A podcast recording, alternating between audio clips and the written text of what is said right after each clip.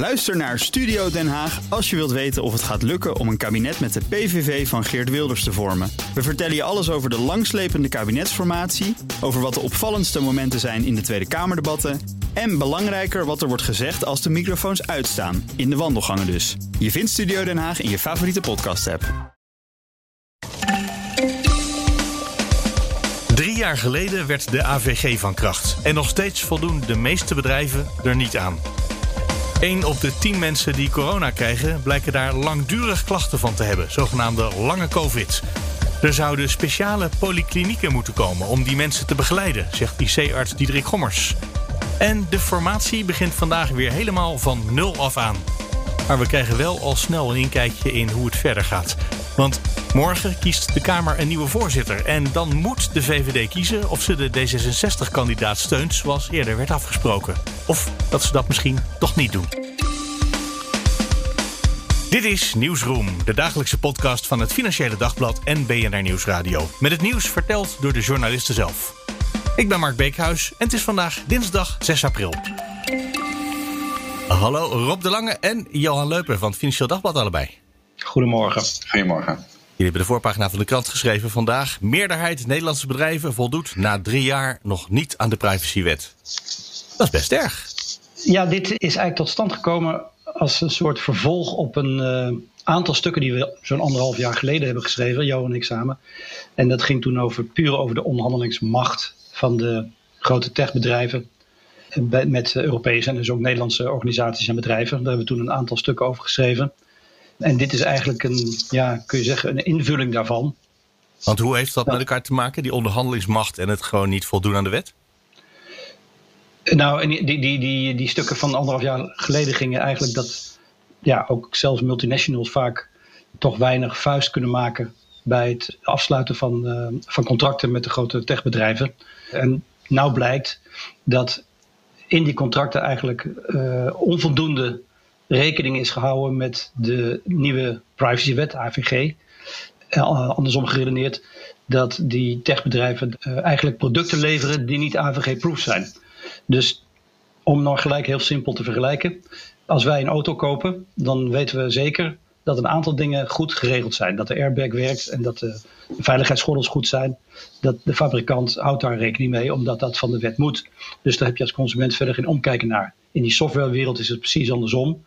Dat als jij een softwareproduct koopt, in veel gevallen, dan moet je zelf maar uh, uitvogelen of die uh, AVG-proof is. En zo niet, dan riskeer je een grote boete. Ik snap de parallel. Ik ga straks ga ik er tegenin, denk ik. uh, maar kwamen die bedrijven dat zomaar bij jullie opbiechten, Johan? dat ze in meerderheid niet voldoen aan de wet? Ja, dat, dat vonden we toch ook wel uh, het bijzondere ervan. Kijk, het is natuurlijk ook hun, hun belang om, om dit te laten zien. Maar je moet ook met de billen bloot en zeggen: we hebben onze zaakjes zelf niet voor elkaar. En dat, dat is toch wel zeldzaam dat, dat je dat hoort op die schaal. En wat ze zeggen dus eigenlijk, na drie jaar hebben we het nog steeds niet goed op orde. We, na drie jaar van de AVG, hè, die in werking is getreden. En iedereen had het erover dat die wet ook bedoeld was om, om, om ook te zorgen dat, dat er veilig met je gegevens omgegaan wordt. Met je persoonsgegevens. En die bedrijven zeggen, wij kunnen dat eigenlijk niet. We moeten. Dus, ja, we weten het toch gewoon nog steeds niet helemaal wat, er, wat ermee gebeurt. Want, want heel veel staat toch in Amerika of, of het staat wel in Europa. Maar er wordt dan toegang uh, verkregen vanuit Amerika door die makers. En die doen er toch allerlei dingen mee die we niet precies weten. We vragen dat dan op en dan krijgen we geen helder antwoord op. Uh, dus dan, dan is het wat, wat ook Rob en ons wel verbaasd heeft af en toe, dat ook een Rabobank of ook een Philips of ook een enorm uh, ander bedrijf zoals een Unilever of een Shell. Uh, dan denk je van ja, die hebben, die hebben zoveel geld en die hebben zoveel lawyers in dienst. En die kunnen dit zelf toch wel, dit gevecht uitvechten met zo'n Microsoft of Amazon of Google. Maar dat blijkt in de praktijk gewoon helemaal niet zo te zijn. Dat zijn gewoon maar een van de zoveel klanten en die, uh, die hebben heel weinig in te brengen in, in, wat, wat ze precies gaan krijgen. En die moeten zelf maar gaan zorgen dat dat allemaal voldoet aan de Europese wet en regelgeving. En, en die kunnen dat nog steeds niet garanderen eigenlijk op dit moment. Maar er zijn toch wel van dat soort contracten afgesloten. Ik dacht voor ziekenhuizen en voor de Nederlandse overheid dat er Amerikaanse bedrijven in het spel zijn, uh, Rob, die uh, wel hebben toegezegd. Nee, het staat in Europa, waarschijnlijk in Ierland dan ja. of zo. En, uh, we, we blijven er echt af deze keer. Dat klopt. Dat voorbeeld staat ook in het stuk. Maar uh, daarvan uh, vertelt Arthur Govaert, dat is de CIO van het Radbouw ziekenhuis in Nijmegen. Dat is een van de grotere ziekenhuizen in Nederland. Die is daar nauw bij betrokken geweest.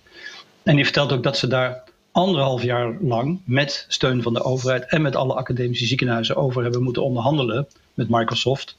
Uh, om dat voor elkaar te krijgen. Dus dan zie je ook hoe, ja, hoe ingewikkeld en uh, stroperig dit soort procedures kunnen lopen. En die Govart die zegt eigenlijk heel simpel. Hij zegt het is gewoon een omissie in die AVG-wet. Oh, want waar zit het probleem in de wet dan? Want de wet is toch helder?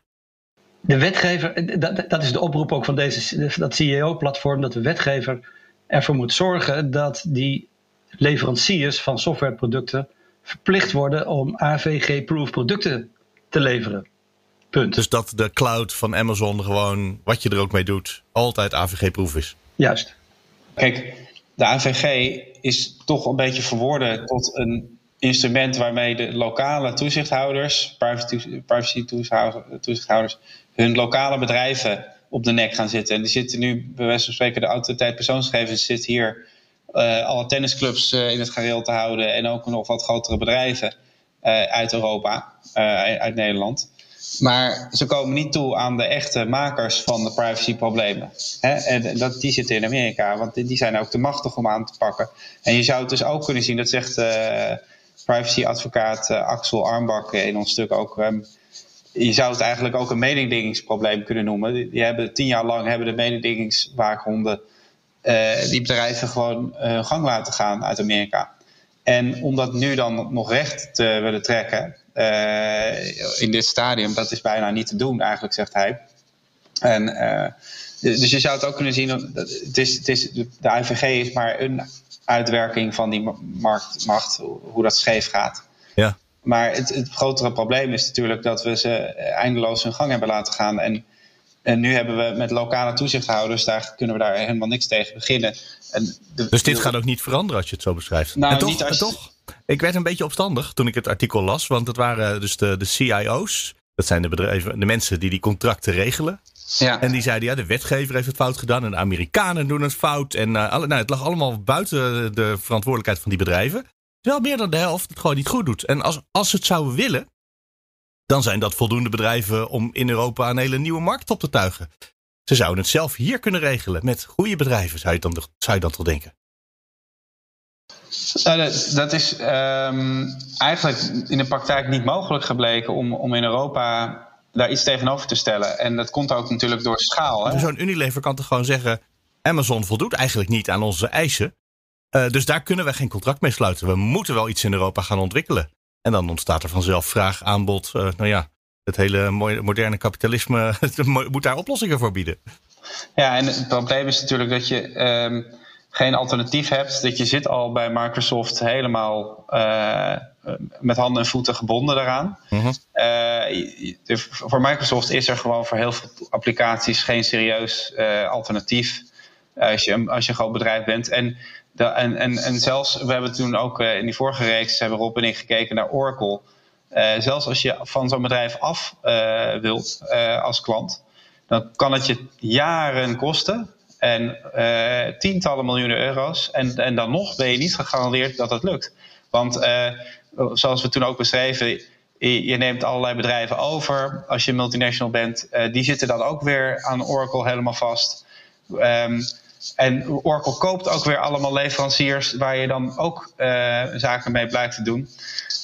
dus het is in de praktijk bijna onmogelijk gebleken om, om je uit zo'n wurggreep, want dat, zo noemden we het toen, uh, te ontworstelen. En, uh, maar, ik begrijp wat je bedoelt, Mark, maar dat hebben wij, hebben wij ons natuurlijk ook al anderhalf jaar geleden afgevraagd. Ja. En wij zijn niet de enige natuurlijk.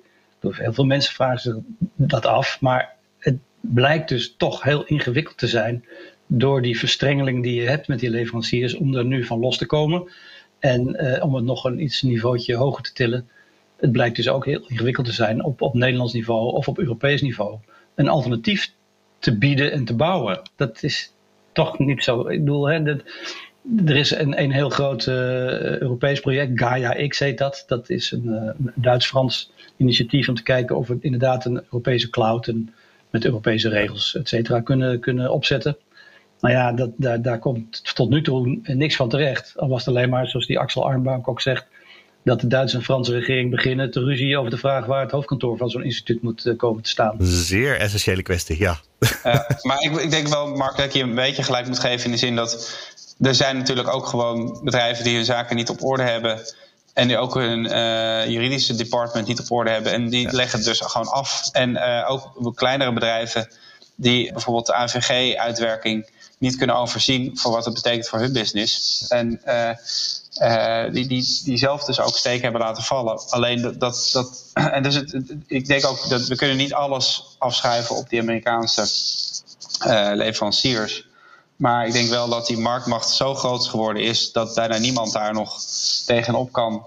En in Europa met al die versnippering van die marktjes kun je bijna, ja, het is bijna onmogelijk om, om, om de schaal te uh, bereiken. En ook met zo'n achterstand als het nu al, nu al is om, om daar nog een alternatief ja, voor te verzinnen. We beginnen vanuit een hele slechte situatie. Dus en toch ik denk dat we het enige wat we kunnen doen is reguleren vanuit Europa en toch een vuist maken met, van, meer vanuit Brussel dan vanuit Nederland en Frankrijk en Duitsland afzonderlijk. Dat, ik denk dat dat de enige oplossing is. Een interessante uitzondering is de financiële wereld. Hè? Want daar hebben de, vertellen die, jongen, die, die, die mannen ook uh, in dat stuk, dat uh, de Europese bankautoriteit, die onderhandelt namens alle banken en verzekeraars, met, met die techbedrijven. En dan heb je natuurlijk wel echt een tegenmacht en een tegenkracht. Dan is het geregeld.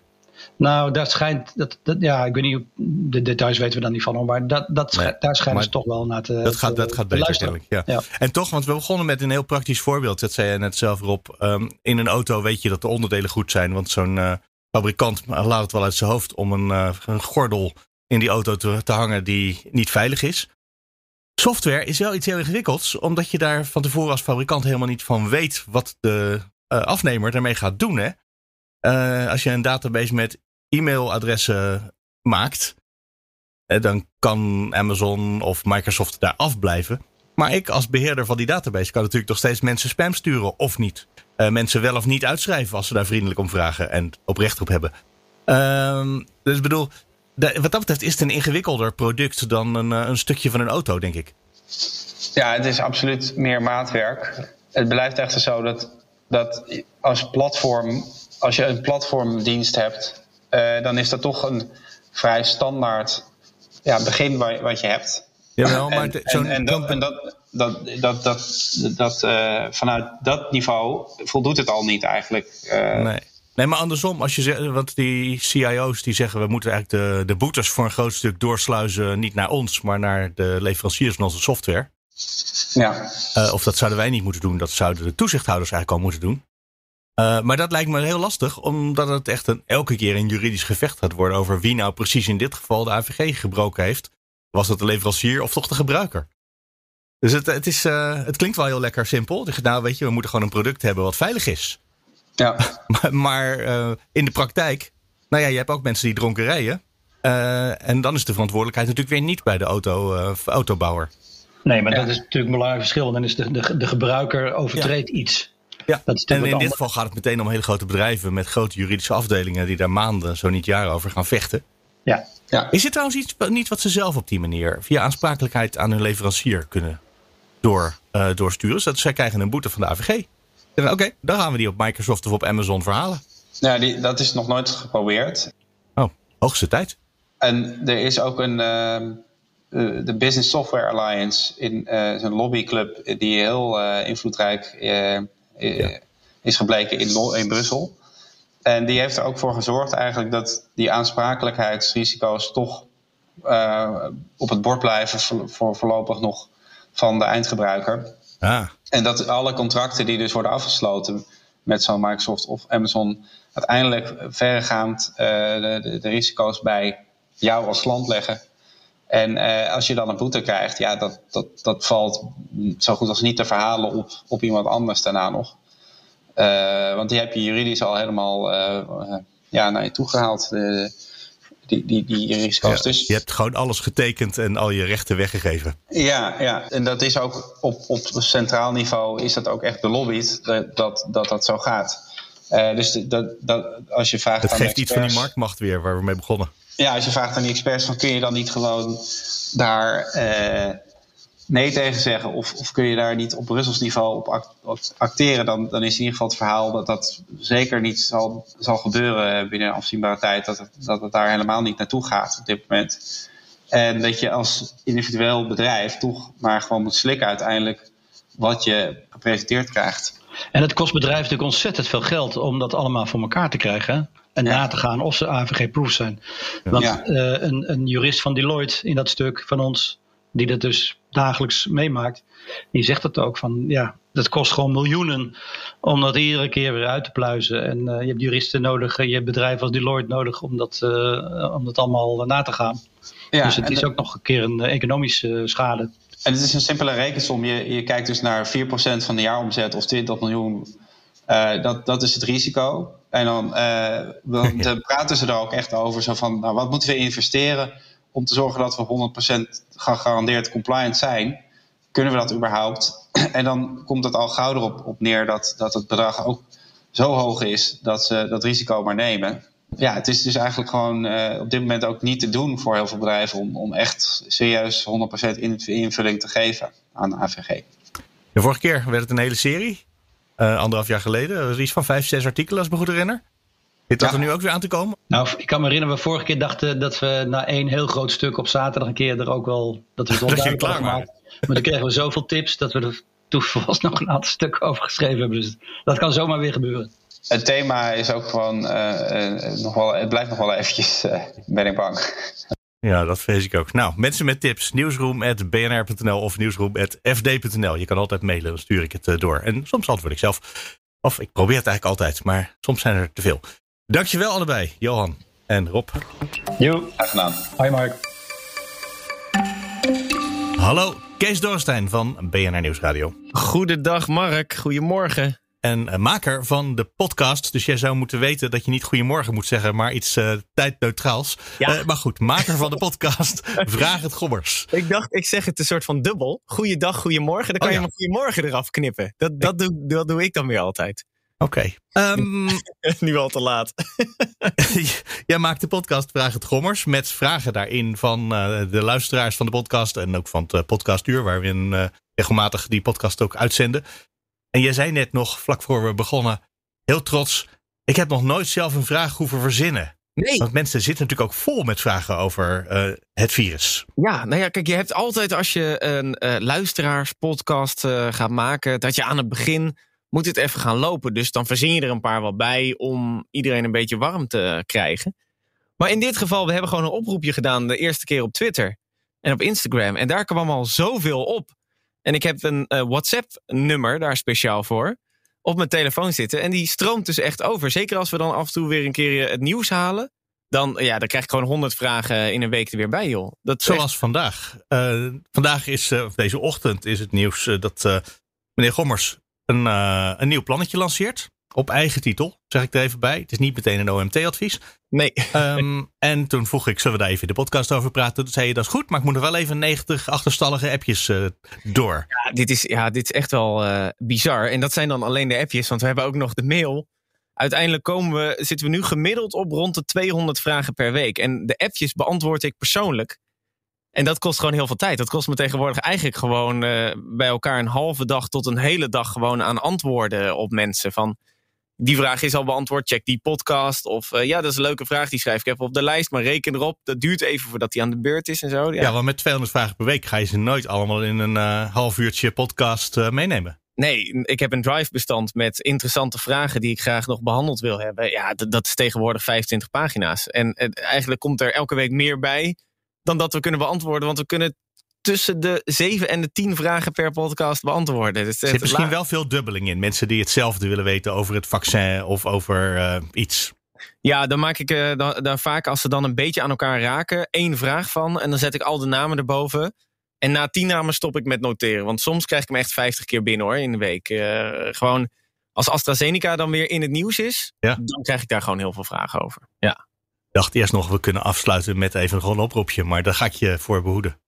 Nou, dat, uh, iedereen mag gewoon sturen hoor. Oké, dan doen we dat aan het einde wel. Laten we eerst naar het nieuws gaan. Over de polyklinieken. Die er zouden moeten komen voor mensen met uh, lange COVID, zoals dat is gaan heten.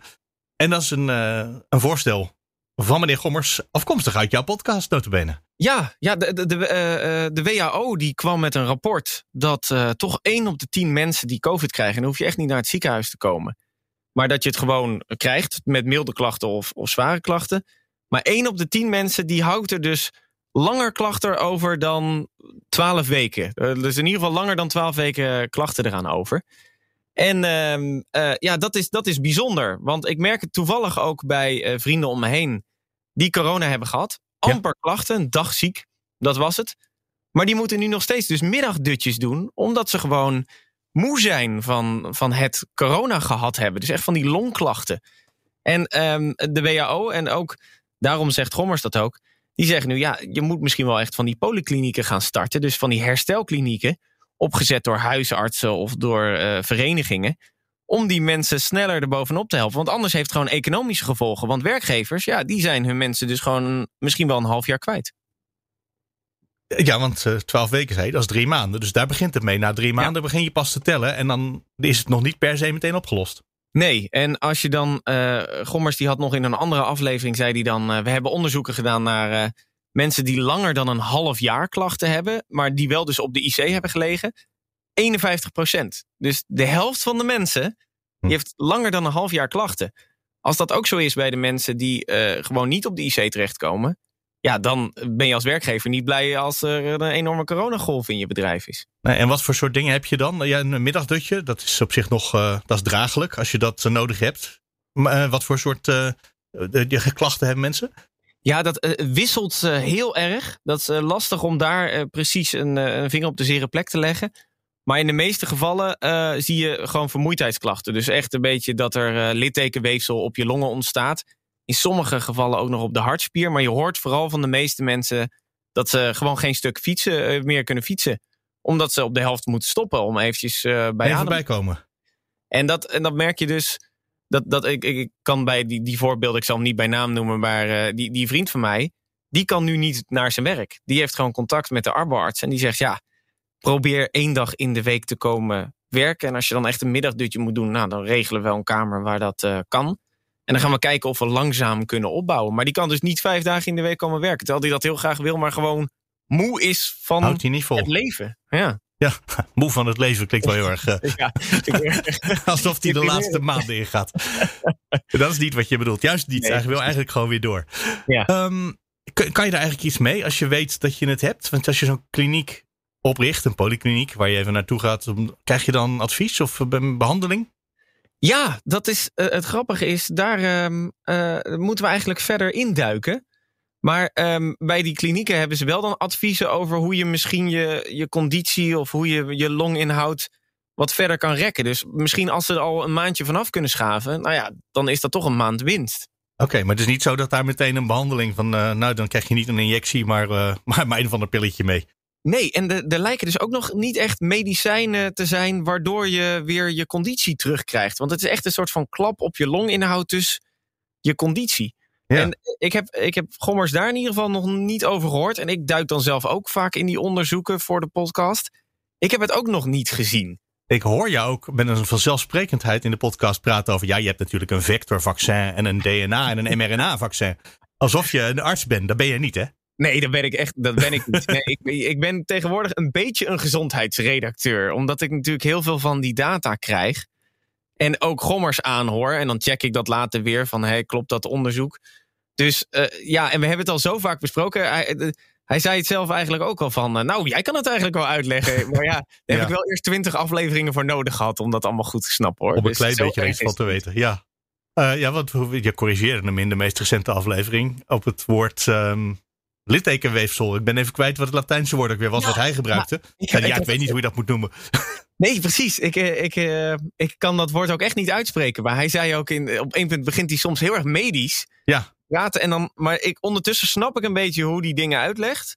Dus dan, ik, ik vulde dat een beetje in, maar het was stiekem ook een gok dat het littekenweefsel was. Maar ik had zo'n gevoel dat dat het was. Toen zei hij, oh ja, ja, dat is het. Dat is wel ja. makkelijker te zeggen. En ik ja. vind dat dat ook wel mijn taak is. Om het ja, simpel te houden. Ja, want voor je het ja. weet kom je in allerlei echte medische uh, jargon terecht. Ja, inderdaad. maar heb je dat ook niet eens gehad dat je dan een keer bij een dokter zat en dat die dingen begint uit te leggen en dat je denkt, ja, ik heb echt geen idee waar die het over uh, waar Nee, ik heb altijd hele goede dokters gehad. Maar ik kom niet zo vaak bij dokters. Misschien is dat Nee. het. Dat is een heel goed teken.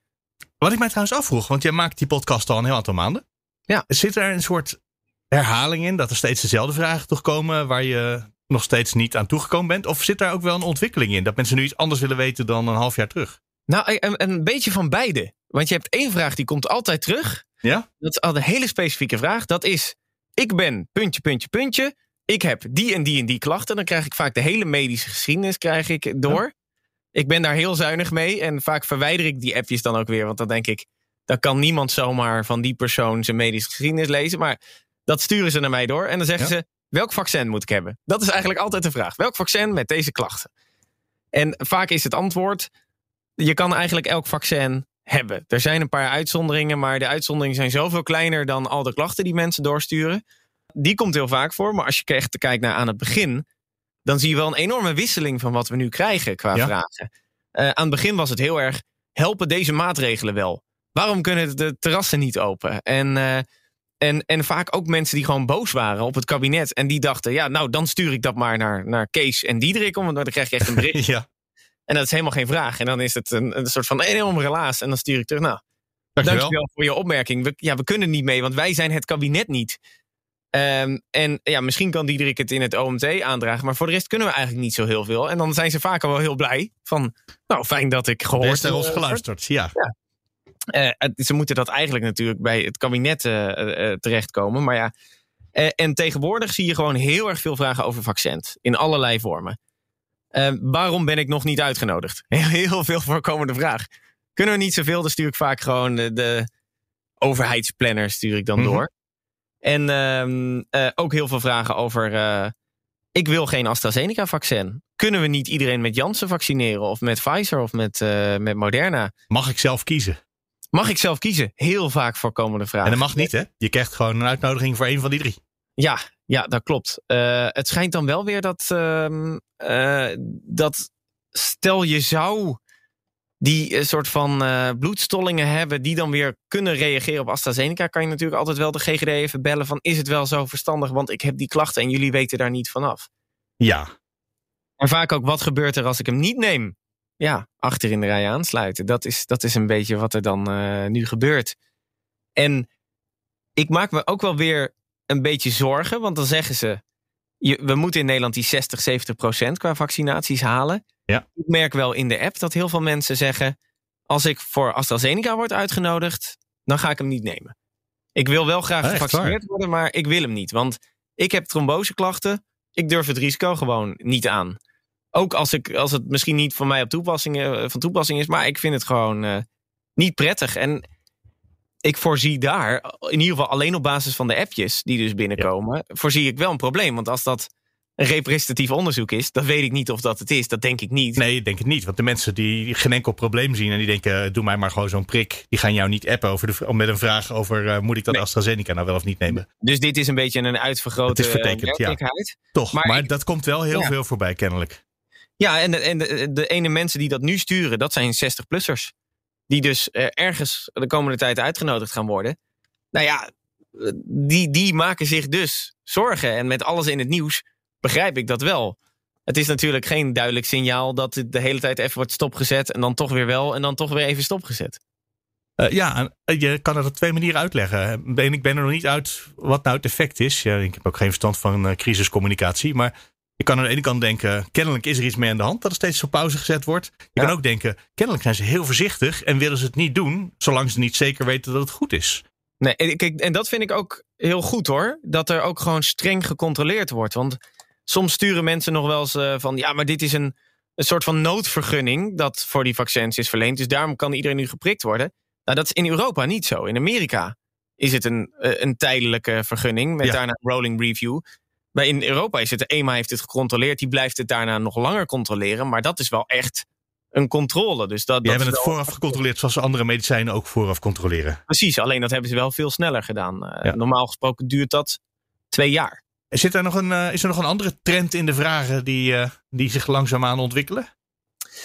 Ehm, nou ja, ik, ik, ik vind het wel grappig dat er steeds meer jongeren vragen beginnen te krijgen. Je merkt dat naarmate je verder gaat in het vaccinatieproces, dat de mensen jonger worden.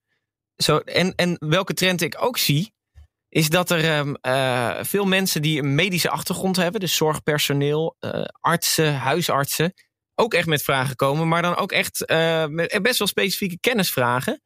Dus dat ze zeggen: um, Ik heb gelezen over dit medicijn in combinatie met vitamine C. Is dit niet iets? Kan dit niet, iets, kan dit niet getest worden? Of ik, her, ik krijg heel veel vragen hierover. Kan dat met die en die en die medische ontwikkeling te maken hebben? Um, en bijvoorbeeld uh, zorgpersoneel dat dan zelf is gevaccineerd. Ik heb bijvoorbeeld één hele interessante vraag. Pak hem even bij. Even de app openen. Um, dat is van een zorgmedewerker. En zij zegt: Ik ben twee keer gevaccineerd met Pfizer. En nu bleek ik begin april toch positief op corona. Daar ben ik van geschrokken. En ik wil eigenlijk weten hoe het nu zit met mijn besmettelijkheid. Want daar hoor ik dan vragen over. Maar kan ik het nog aan mijn gezin geven? En, en, en hoe zeldzaam is het nu dat ik nu corona heb gekregen? Dus dat, hmm. dat, dat, dat vind ik, deze vind ik heel interessant. Die gaat sowieso volgende aflevering wel mee. Want ik vind het, hier raakte ik wel door gefascineerd van... hey, Pfizer die heeft echt een heel hoog uh, betrouwbaarheidspercentage. Ja. Maar dus er zullen natuurlijk toch af en toe mensen tussen de, tussen de mazen van het net doorgaan. Ja. En precies, dan ben je dan daarna toch nog besmettelijk. Zou dat kunnen? Interessante vraag. Die gaan we dan volgende week maandag weer horen. Uh, uh, zondag. Zondag, zondag. online. Maar dan hoor je maandag weer op BNR. Ja, dus precies. Dan hoor als je lui bent, dan kan je hem altijd ook gewoon uh, voorbij horen komen in de ochtendshow of in het podcastuur. Kees Doorstein, durf je het nog aan om het telefoonnummer te noemen en het e-mailadres? dat is natuurlijk. Nieuwsroom die heeft heel veel luisteraars, dus ik, ik snij me hier zelf natuurlijk keihard mee in de vingers. Maar ik ga het gewoon, ik ga het gewoon doen hoor. Pak hem er even bij. Ik, dat is het erge. Ik weet hem dus nog steeds niet uit mijn hoofd. Nee, maar het is ook een heel lang en ingewikkeld nummer. Ik heb een beter idee. Laten we gewoon zeggen dat we de show notes van BNR Nieuwsroom even gebruiken om die link te zetten. En dat je sowieso de informatie vindt op bnr.nl slash vraag het gommers. Daar staan ja. uh, alle contactmogelijkheden. En je kan altijd mailen gommers.bnr.nl. Dat mag ook. Heeft meneer Gommers een e-mailadres bij BNR? Ja, ja, die beheer ik. Oh, die lees jij. ja, en het nummer beheer ik ook. Dus je kan een bericht sturen van hallo Diederik, maar je stuurt het naar Kees, dat je dat weet. Kees, dankjewel. Yes, Mark, dank je. Hallo, Bas Knop van het Financieel Dagblad. Goedemorgen, Mark. Haagse redactie. Je zit ook op de Haagse redactie, hè? Ja, je ziet achter mij het, uh, een uh, plaatje, een schilderij van het Binnenhof hangen. Ja, ik wel. Een foto is het geloof ik. De luisteraars ja. van deze podcast nee, moeten mij maar gewoon op mijn uh, blauwe ogen, dat, die zou ik niet kunnen zien. Er maar bij denken. Geloven, ja. ja. Op de achtergrond zien we het Binnenhof. Maar je zit gewoon binnen ergens op een kantoortje, niet op het Binnenhof, niet eens. Lange voorhoud. Lange voorhoud, dus, ja, ook niet zo ver weg. Ja. Nee, we zijn er zo. Het is een hoop gedoe in Den Haag. We kunnen een heleboel dingen bespreken. Uh, we gaan het straks uitgebreid over de formatie hebben. Maar zullen we eerst even snel de voorzittersverkiezing. Er komt natuurlijk een Tweede Kamervoorzitter die morgen weer verkozen wordt. We weten al dat mevrouw Ariep wil blijven. We weten al dat Martin Bosma van de PVV uh, graag van ondervoorzitter naar voorzitter wil opklimmen. En uh, toen kwam vanochtend uh, Vera Bergkamp, Kamerlid um, van D66. Die heeft zich nu ook kandidaat gesteld. Um, er was al even en, sprake van van het weekend dat er een deal zou zijn, toch? Dat zij het zou kunnen worden. Met steun van de VVD. Oh ja, nu wordt het meteen ingewikkeld. Precies. De vraag is nu, uh, blijft de VVD naar, uh, naar, het, uh, naar alles wat er gebeurd is de afgelopen dagen nog achter deze kandidatuur van, van Bergkamp staan? Is het een voor de hand liggende kandidaat? Ik bedoel, bij Ariep, daar weet je wat je krijgt. Martin Bosma, ik heb het al eens eerder gezegd in deze podcast, die valt echt op als een hele goede voorzitter. Ja. Vrolijk en opgewekt en wel streng. En lijkt me ook een hele goede schoolmeester, wat dat betreft. dat heb je nodig in de Kamer. Ja. Vera Bergkamp weet ik eigenlijk niet zo. Heb ik die, heb ik die ooit in de Kamer misschien wel eens een commissie ja, voorzitter? vervangt af en toe Ariep ook wel hoor. Dat, ja? uh, er zijn er ook nog een aantal andere Kamerleden die af en toe wel eens invallen uh, als Kamervoorzitter. Uh, Okje Tellegen van de VVD heeft het bijvoorbeeld ook, doet het ook wel eens. Tom van der Lee van GroenLinks. En voor mij, Vera Bergkamp heeft dat ook wel eens. En dan gaat, dan gaat het vooral met voorzitter dus in de plenaire zaal. Hè? Ja. Um, in, in de commissiezalen van de Tweede Kamer. Um, daar, zijn, daar heeft iedere commissie heeft een vaste voorzitter. En dat zijn ook dan Kamerleden. Ja. Maar dit gaat dus om het voorzitten van de, in de plenaire zaal. En Vera Bergkamp heeft ook de afgelopen periode al een aantal keren uh, een, een plenaire vergadering mogen voortzitten. Heb je daar een beeld van overgehouden? Iets uh, van, uh, dat was eigenlijk wel een goed idee. Nee, dat, dat, dat, dat zijn vaak niet de, de, de, allerbelangrijkste debatten. Die doet natuurlijk Ariep, of heeft Ariep ja. natuurlijk de afgelopen periode gedaan. Um, maar bijvoorbeeld begrotingsbehandelingen die nog later op de avond plaatsvinden. Um, dat soort debatten moet je dan aan denken. Ja, oké. Okay, dus het, uh, daar valt ook heel weinig over te zeggen of het een heel goed idee is of niet. Maar zij wilde het graag. Ze heeft zich kandidaat gesteld. En er was ja. een afspraak met de VVD. En de vraag is, die hangt alles samen met de formatie die ontspoord is in de afgelopen weken. Uh, hoe dat uh, verder gaat. Nou, ja. misschien moeten we dat dan ook maar meteen oppakken nu. Zeker. Want het begint weer helemaal opnieuw. Ik pakte even een stukje van uh, de buitenlandredactie vanmorgen erbij. Ja. Vladimir Poetin kan tot 2036 president van Rusland blijven. Ja. Toen dacht ik, ja, zo werkt het natuurlijk. Als een land het iemand maar gunt, je hoeft hem niet eens te vertrouwen, want niemand in Rusland vertrouwt Poetin ook, geloof ik niks van. Uh, dat is helemaal niet relevant. Als hij de macht heeft of als, die, als mensen denken het is toch een goed idee, dan kan ja, je blijven. Misschien, misschien moeten we bij uh, in het voorbeeld van Vladimir Poetin ook nog even kijken naar of, of die verkiezingen daar allemaal wel zo eerlijk verlopen. Nee, en, zeker. En ik wil ook de, die twee mannen niet met elkaar vergelijken, maar gewoon het mechanisme nee, okay. dat er, er hoeft geen vertrouwen te zijn. Als je maar denkt het is misschien goed voor het land, uh, dan krijg je geen revolutie en dan kan je blijven. Ja, maar het gaat natuurlijk uh, er ook om dat, dat in Nederland. Um, kijk, we, we, hebben met, met, met dat, dat, dat, de, dat onderscheid, dat wordt nog wel eens vergeten te maken. Maar met de Tweede Kamerverkiezingen kiezen wij natuurlijk um, als burger niet een premier. Nee. Wij kiezen een Tweede Kamer. En um, het, het, het feit dat de VVD wederom de grootste partij is geworden, geeft, uh, geeft haar nog niet het recht, het automatische recht om dan ook maar de premier te, uh, te mogen leveren. Het is wel uh, de afgelopen verkiezingen uh, gebeurt dat steeds. Maar het, ja, het, het, kijk, als andere partijen zeggen wij willen niet met uh, de VVD van Rutte samenwerken, ja, dan, dan is dat ook hun goed recht. Ja, er hoeft alleen maar een meerderheid in de Tweede Kamer te zijn nou, die... zelfs dat niet, maar dan heb je een minderheidskabinet. Maar... Zo'n regering begint toch altijd wel met één keer een stemming van de Kamer die zegt: Oké, okay, ja. dit is goed. Ja. Dus er moet op een, ja, even moet er een soort... een soort meerderheid zijn. Niet per se dat iedereen in de coalitie zit, maar de helft nee, van de Kamer moet het wel een goed idee vinden. Ja, precies. Ja. Dus als, uh, nou ja, wat, ja, er was even sprake van de zeven dwergen. Ja. Uh, wat de, allemaal linkse partijen zijn. Dat is net aan de meerderheid. Of als je er een paar van pakt, net aan een minderheid, dan kom je ook een heel ja, eind. Dat, dat, zou dus, dat is de variant dat dan, dan gaan we ervan uit dat um, uh, de, de, VVD vasthoudt aan Rutte en um, uh, ja. de andere partijen uh, inderdaad niet meer bereid zijn um, om met Rutte samen te werken. Ja. en dan zou D66 het initiatief, initiatief krijgen als nummer twee. en die zou dan een, een als D66 een meerderheidscoalitie wil vormen.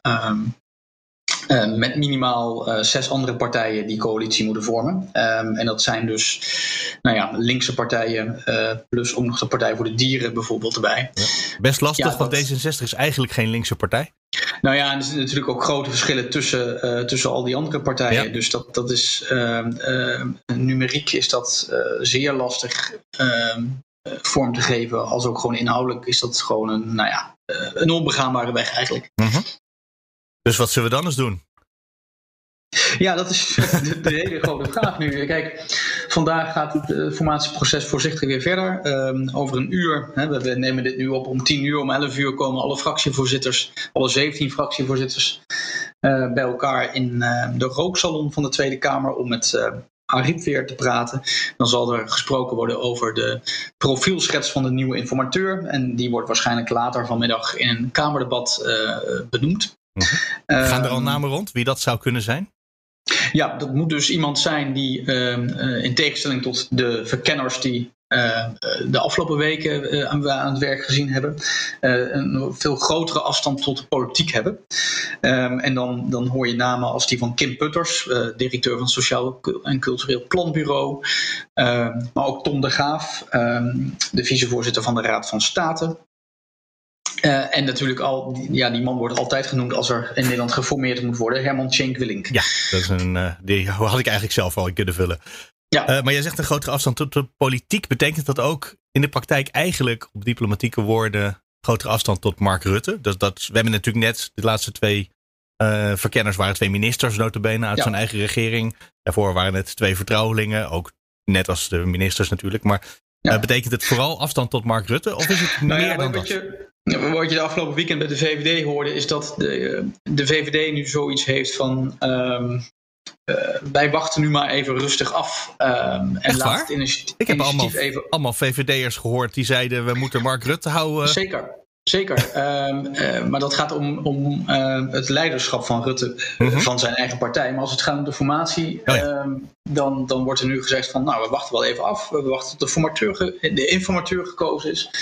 Um, en dan zullen we kijken van wat, wat die andere partijen willen. Kijk, als, als uh, deze week ook D66 en het CDA zeggen van uh, wij willen niet meer met, met Rutte uh, samenwerken, nou ja, dan zal het initiatief automatisch terechtkomen, wat ik net al zei, bij, bij D66. En ehm, bij de VVD hoor je van, nou ja, oké, okay, prima, dan gaan jullie maar kijken of, of jullie met, met al die dwerg, dwergen een coalitie kunnen vormen. Wij wachten wel rustig af. En wat je hoort is dat men bij de VVD toch wel ervan uitgaat dat vroeg of laat andere partijen toch weer bij, bij de VVD zullen aankomen. Want uh, ja, de VVD brengt natuurlijk 34 zetels mee naar de formatietafel. En, en, ja, ehm, maakt het leven wel makkelijker. Eh, nou ja, informatieland wel. Ja. Zonder de VVD is een, is een meerderheidscoalitie vormen nagenoeg onmogelijk. Ja. Um, nou kan ik me herinneren dat voor de verkiezingen de VVD het heel belangrijk vond dat er snel geformeerd werd. Ja. Dus is het dan niet een, eigenlijk een beetje een. Uh, ja, dat kunnen ze dan toch niet maken om te zeggen: we gaan achterover leunen en wachten. Uh, en dan komen ze wel weer bij ons terug. Want er was haast en dat vinden ze oprecht. Ja. Ja, dan moet je ja, er ook naar handelen. Dat, is dus nu wel. Uh, het, het, kijk, op een gegeven moment. Um, uh, want, want, het zijn vrij. Uh, wat, wat, wat Segers ook zei afgelopen zaterdag. Het is een vrij principieel punt. Ja. Van dat hij gewoon niet meer met Rutte wil samenwerken. Je hoorde Kaag toch ook signalen geven afgelopen donderdag. in het Kamerdebat. Dat, dat ook zij vindt dat Rutte um, geen vierde termijn als premier meer, meer, zou moeten krijgen. Of in ieder geval dat D66 daar niets in ziet. Ja. Um, als op een gegeven moment um, uh, die impasse voort uh, blijft staan, zal vroeg of laat toch ook bij de VVD de vraag uh, op tafel komen te liggen van ehm, gaan wij vasthouden aan een leider um, die een stabiele coalitie blokkeert. Ja. En dan gaat het dus over, over, over Rutte. Want dat, en, dat, dan wordt de, de afweging: gaan wij voor het landsbelang of het, voor het belang van precies. de partij? Nee, eigenlijk partij. zelfs het belang van die ene persoon in de partij. Maar ja, die zijn wel heel erg ja. vereenzelvigd de laatste jaren. Ja, nou ja, dat, daarom is het ook niet, niet heel gek dat je dus afgelopen weekend allerlei partijprominenten uh, op televisie in kranten uh, zag verschijnen, uh, die, die allemaal hun steun uitspraken aan Rutte. Ja. want de VVD is Mark Rutte. Um, en de vraag inderdaad, ja, kijk, er is geen logische opvolger voor hem. Dus, dus ja, dat ze nu Klaas Dijkhoff kwam nog even voorbij, maar daar hoorden we bij BNR vanmorgen ja. dat hij uh, echt, echt weg is uit Den Haag. En ook te ja. veel plannen om even niet terug te komen nu. Nee. Dat was wel nee, een nee, hele goede optie geweest natuurlijk. Um, ja, alleen hij heeft natuurlijk um, voor zichzelf al vrij lang geleden besloten dat hij na um, ja. de Kamerperiode die nu afgesloten is alweer dat hij zou vertrekken van het Binnenhof. Uh, dat was al voordat hij ook aan de slag ging met, met de koerswijziging van de, van de VVD. Dus, dus daar is wel goed over nagedacht, denk ja. ik, door Dijk. Um, maar goed, de VVD komt, komt toch voor die afweging te staan. En, um, Jij zegt er is ja. geen goede opvolger, maar stel nou dat ze zouden moeten. Is, is er dan ja, er is natuurlijk altijd ja, iemand het beste. Je altijd de namen van, van, van Schippers of, of Janine Hennis. Um, maar kijk, ja, die, zijn, die is ook niet helemaal uh, op een goede manier weggegaan, toch? Hennis? Nee, nee, dat klopt. Um, maar, maar, maar los daarvan, kijk, de, de, de, als je ook, ook Rutte hoort, hij zegt van, nou ja, uh, als, als de partijen niet met mij willen samenwerken, dan ga ik rustig in de oppositie zitten. Dan, dan, maar wel dus als VVD-leider. Dus ook. Ja. Dat is natuurlijk allemaal uh, ook, een, ook, een, soort, soort PR-strategie van laten zien dat je strijdbaar bent en dat je niet zomaar um, je door, de, door andere partijen uh, weg laat sturen. Maar ja, wat dat betreft geldt voor hem natuurlijk precies hetzelfde wat voor uh, Pieter Omtzigt gold. dat je kan niet zeggen hij, hij is Kamerlid, maar hij moet wel weg. Hij is gewoon Kamerlid. Hij, mag, hij mag blijven als hij wil. Tuurlijk, en Rutte mag ook blijven. Ja. Ehm, eh, tenminste, als, hij, Als hij dat zelf wil. Als, als hij dat wil.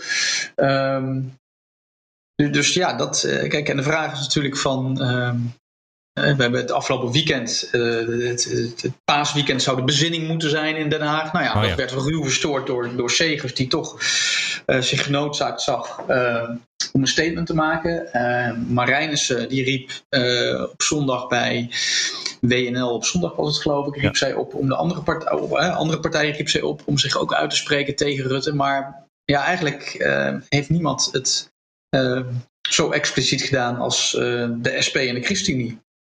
Ehm, Dus dat is waar we straks op moeten gaan letten over op welke Precies. woorden ze nou precies gebruiken als ze uit Ja. dat eh, overleg uit de rooksalon in de Kamer komen. Al die Ja. 17 fractievoorzitters. Ja, ik denk, ik denk overigens dat, dat ze eerst die informateur rustig aan het werk laten gaan en dat er eerst weer gesproken gaat worden. Ehm, en dat er vandaag ehm, ehm, nou, geen duidelijkheid zal komen. Maar je weet maar nooit in, dit, eh, in deze gekke tijden. We hadden Segers ook niet verwacht op zaterdag. Dus eh, het zou zomaar kunnen. Nou, kijk, bij Segers, ehm, je zag natuurlijk na dat debat donderdag, eh, waarin de ChristenUnie niet de motie van wantrouwen steunde, maar de SGP bijvoorbeeld wel, zag je ook vanuit zijn eigen achterban de druk wel toenemen op, eh, op Segers. Eh, bijvoorbeeld de jongerenbeweging vond het niet kunnen dat ehm, eh, de ChristenUnie tegen die motie van wantrouwen heeft gestemd. Dus hij kwam ook wel onder druk van zijn eigen partij te staan. Ja, ja.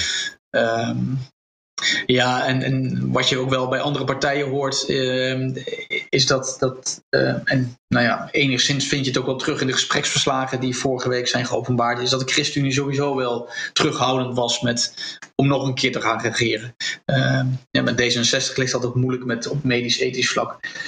Ja. Ehm, Ja, het is er allemaal niet makkelijker op geworden. nee, het is, eh, het, het, eh, Die snelle formatie misschien nee, zou het eh, is moeten, maar eh ja, nee, even is- niet. Die is van tafel. Als knop. Dankjewel. Graag gedaan. Dat was hem voor vandaag. Kijk nog even bij de show notes op bnr.nl slash nieuwsroom. En als je wil reageren, mail dan naar nieuwsroom.fd.nl of nieuwsroom.bnr.nl. Zoals bijvoorbeeld Mayra en Lars en Iljic deden. En die heb ik alle drie nog niet geantwoord. Die kwamen met eh, hele praktische vragen over wat partijen of politici hadden moeten doen. En daar vind ik misschien ook nog wel iets van. Maar wat ik ervan vind is ook maar een mening natuurlijk.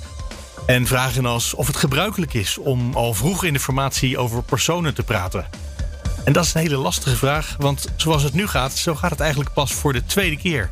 Want vroeger was de koning altijd in het proces betrokken en alle gewoontes en gebruiken moeten nu weer even opnieuw worden uitgevonden. Blijf je vragen wel stellen. Ook als ik je nog niet heb geantwoord, hoor je die vragen misschien wel weer terug in gesprekken. Zoals ik die net bijvoorbeeld had met Bas en op vrijdag altijd in Nieuwsroom Den Haag met Sophie en met Thomas. Dus wil je reageren, mail naar nieuwsroom.fd.nl of nieuwsroom.bnr.nl. Dan zijn we er morgen weer. Graag tot dan.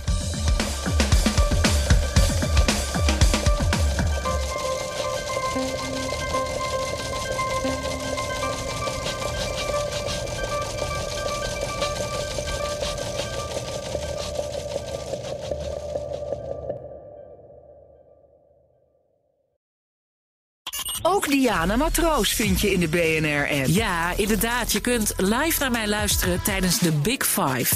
Ook handig in de BNR-app. Breaking nieuwsmeldingen, maar ook het allerlaatste zakelijke nieuws. En je vindt in de app alle BNR-podcasts, waaronder Wetenschap Vandaag. Download nu de gratis BNR-app en blijf scherp.